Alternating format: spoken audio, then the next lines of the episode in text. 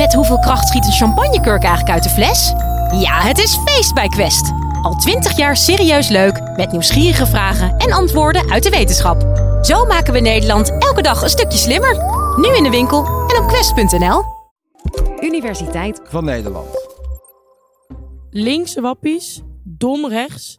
De verkiezingen van 2023 werden gekenmerkt door de twee grootste partijen die lijnrecht tegenover elkaar staan. Dat de PVV de grootste is, dat vind ik echt, uh, ik schaam me echt diep. Ik heb een hele diep gewortelde haat tegen links. Nederland lijkt enorm verdeeld en de term polarisatie valt geregeld. Ook koning Willem-Alexander blikte erop terug.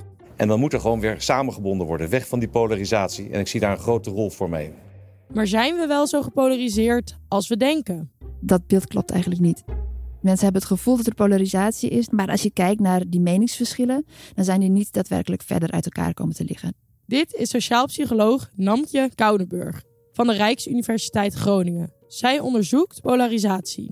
Het is het uit elkaar lopen van meningen, dus het groter worden van verschillen in mening. Aan de andere kant is het ook het vormen van groepen om die meningen heen. Wat ook vaak gepaard gaat met een soort van wij-zij-denken. Dus wij zijn aan de ene kant van de mening, uh, anderen staan aan de andere kant van die mening. Uh, en dat gaat vaak samen met negatieve emoties. Als je puur kijkt naar verschillen in meningen, dan zijn die niet groter geworden in de afgelopen 40 jaar. Dus je hebt sommige thema's waarop de meningsverschillen iets groter zijn geworden, andere thema's waarop die verschillen kleiner zijn geworden.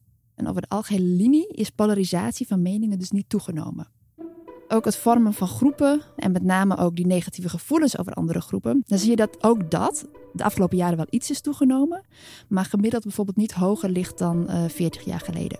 Toch blijkt uit onderzoek dat driekwart van de Nederlanders denkt dat onze standpunten wel steeds verder uit elkaar liggen.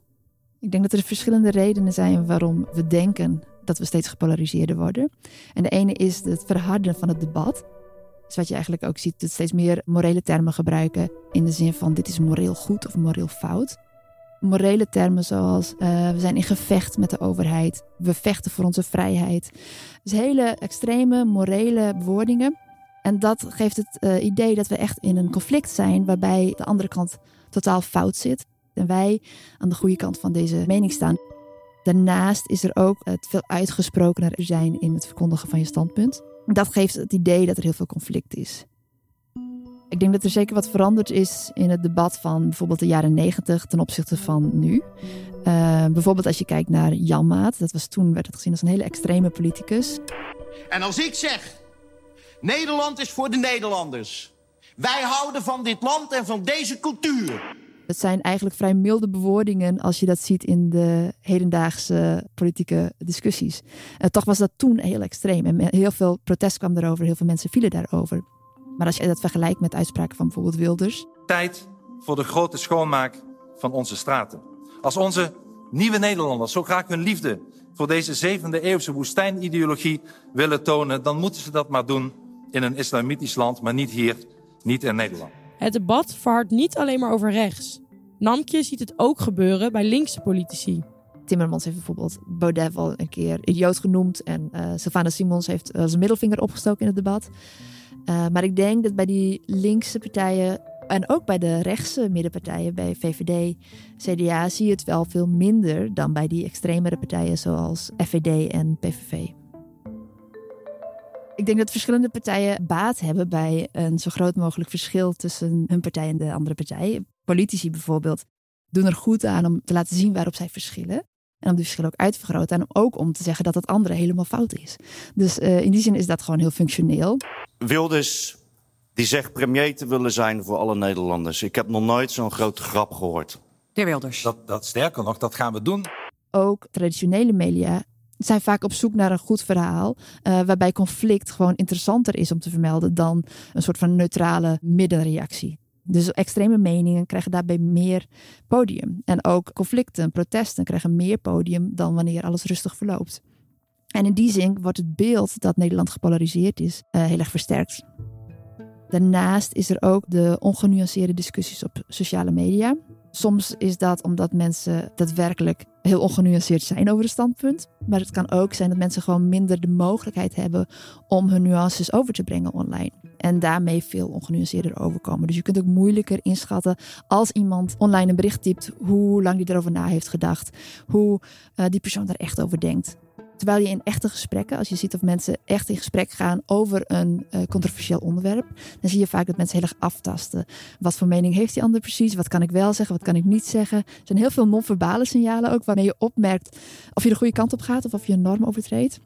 Het uiten van een mening is ook een heel erg sociaal proces. Je probeert ook die relatie met die andere persoon vaak een beetje goed te houden. Dus je wilt niet dingen zeggen die anderen tegen de borst stoten.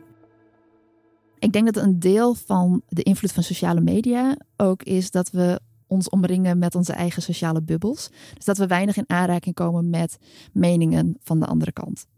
In het echte leven, je buren kunnen anders stemmen dan jij. En daar moet je toch mee omgaan. Daar moet je toch een soort van weg in vinden. Uh, dus daar kom je gewoon meer in aanraking met andere meningen. En zodra je online gaat, heb je algoritmes, maar ook je eigen interesses die ervoor zorgen dat je meer in aanraking komt, meer geneigd bent om te zoeken naar informatie die in lijn is met je eigen mening. En daarom dus niet blootgesteld wordt aan andere meningen en daardoor ook niet het andere perspectief leert zien. Door sociale bubbels, het harder worden van het politieke debat en door de manier waarop de media groepen tegenover elkaar zet, lijkt het dus alsof we meer gepolariseerd zijn, maar dat is niet zo. Maar ja, we denken wel dat het zo is dat allemaal groepen steeds verder uit elkaar zouden staan. En alleen al dat idee heeft grote gevolgen. Namtje deed daar onderzoek naar. Wat we uh, zagen in dat onderzoek, dus op het moment dat iemand polarisatie ziet in bijvoorbeeld het uh, immigratiedebat, dan is men ook meer geneigd om dat te zien bijvoorbeeld in het klimaatdebat. En meer geneigd om het te zien uh, met betrekking tot genderneutraliteit. En dan zie je dus polarisatie overal. En wat we denken dat er gebeurt, is dat mensen eigenlijk een soort van mal krijgen van wij-zij denken. Waarbij ze denken dat wij allemaal hetzelfde denken over al deze verschillende onderwerpen. En zij allemaal anders denken over al deze verschillende onderwerpen. Dus uh, die mal gebruiken ze eigenlijk op elk onderwerp om daar een soort van wij-zij in te vormen. Terwijl in sommige dingen is dat misschien terecht. In sommige onderwerpen is er vrij veel polarisatie. Maar op heel veel andere onderwerpen is die polarisatie eigenlijk uh, vrijwel afwezig. Het zien van die scheiding in de samenleving werkt het open gesprek eigenlijk tegen. Dus daarmee ga je niet meer luisteren naar die andere persoon, want je hebt diegene al ingedeeld in een bepaald kamp. Als je bijvoorbeeld kijkt naar de vaccinaties tijdens corona, dan uh, zag je groepen die zich lieten vaccineren, mensen die zich niet lieten vaccineren. En daar zag je heel erg dat het idee uh, ontstond dat er twee kampen waren: de, de pro-vaccineerders en de mensen die daar tegen waren.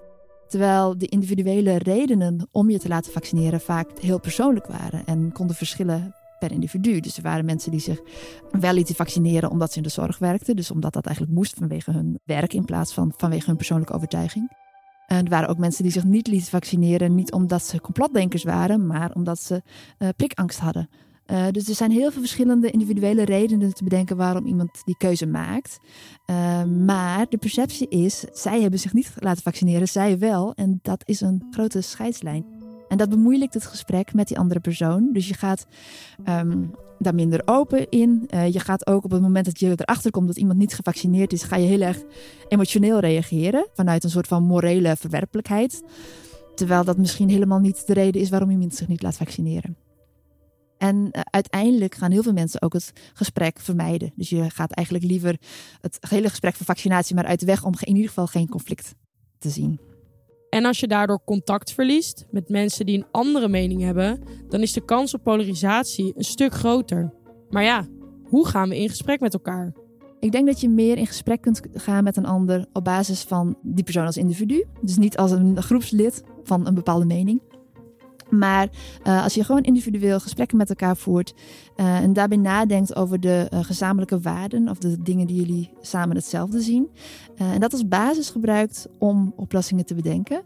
dat je dan veel meer begrip ook hebt voor waarom iemand anders in een bepaalde kwestie staat. Bijvoorbeeld als je nadenkt over een kwestie als immigratie. Het opvangen van asielzoekers. Nou, ik denk dat over het algemeen de meeste mensen het ermee eens zijn dat dat niet geweldig gaat nu de asielzoekerscentrum in Ter Apel dat overstroomt. Die is een slechte situatie voor de mensen daar. De vraag is, hoe ga je dat oplossen? Ga je die mensen beter helpen? Of uh, ga je zeggen, die mensen kunnen beter niet meer komen. En dat is natuurlijk een heel groot verschil in hoe de verschillende partijen dat benaderen. Maar iedereen wil hetzelfde probleem oplossen. En iedereen wil ook een waardige ontvangst voor mensen die hier komen. Op dit moment zijn we bezig met een onderzoek waarin we mensen die verschillende meningen hebben over uh, de toestroom van vluchtelingen, laten we met elkaar in gesprek gaan via chat. En we vragen ze eigenlijk gewoon, nou, heb het eens over deze stelling. En de stelling is dan, Nederland zou meer vluchtelingen op moeten nemen. En wat je dan ziet is dat uh, heel veel mensen een vrij genuanceerde mening daarover hebben. En wanneer ze met elkaar in gesprek gaan, komen ze er ook achter dat ze eigenlijk beide wel zijn voor het waardig opvangen van asielzoekers. Uh, als ze tegen deze stelling zijn of als ze voor deze stelling zijn. Alleen de manier waarop die waardigheid bereikt wordt, is verschillend. Sommigen zeggen we moeten beter passen op die mensen in Ter Apel. We moeten daar betere voorzieningen voor creëren. En anderen zeggen: uh, nee, we kunnen niet zoveel mensen toelaten. Dus we moeten die mensen sowieso niet toelaten, want dat is voor hun ook niet een houdbare situatie. Dus uh, het gaat niet om dat die mensen tegen asielzoekers zijn of tegen vluchtelingen in het algemeen, maar dat ze gewoon de situatie willen oplossen op een andere manier. Als je dus kijkt naar de metingen van hoe ver mensen daadwerkelijk verschillen van mening, dan is dat veel minder dan we aannemen. Dus als je met elkaar in gesprek gaat, dan kom je er waarschijnlijk ook achter dat je mening veel minder van elkaar verschilt dan je daadwerkelijk denkt. Bedankt Namkje. Ik stap uit mijn bubbel. En jij bedankt dat je luisterde. Tot de volgende!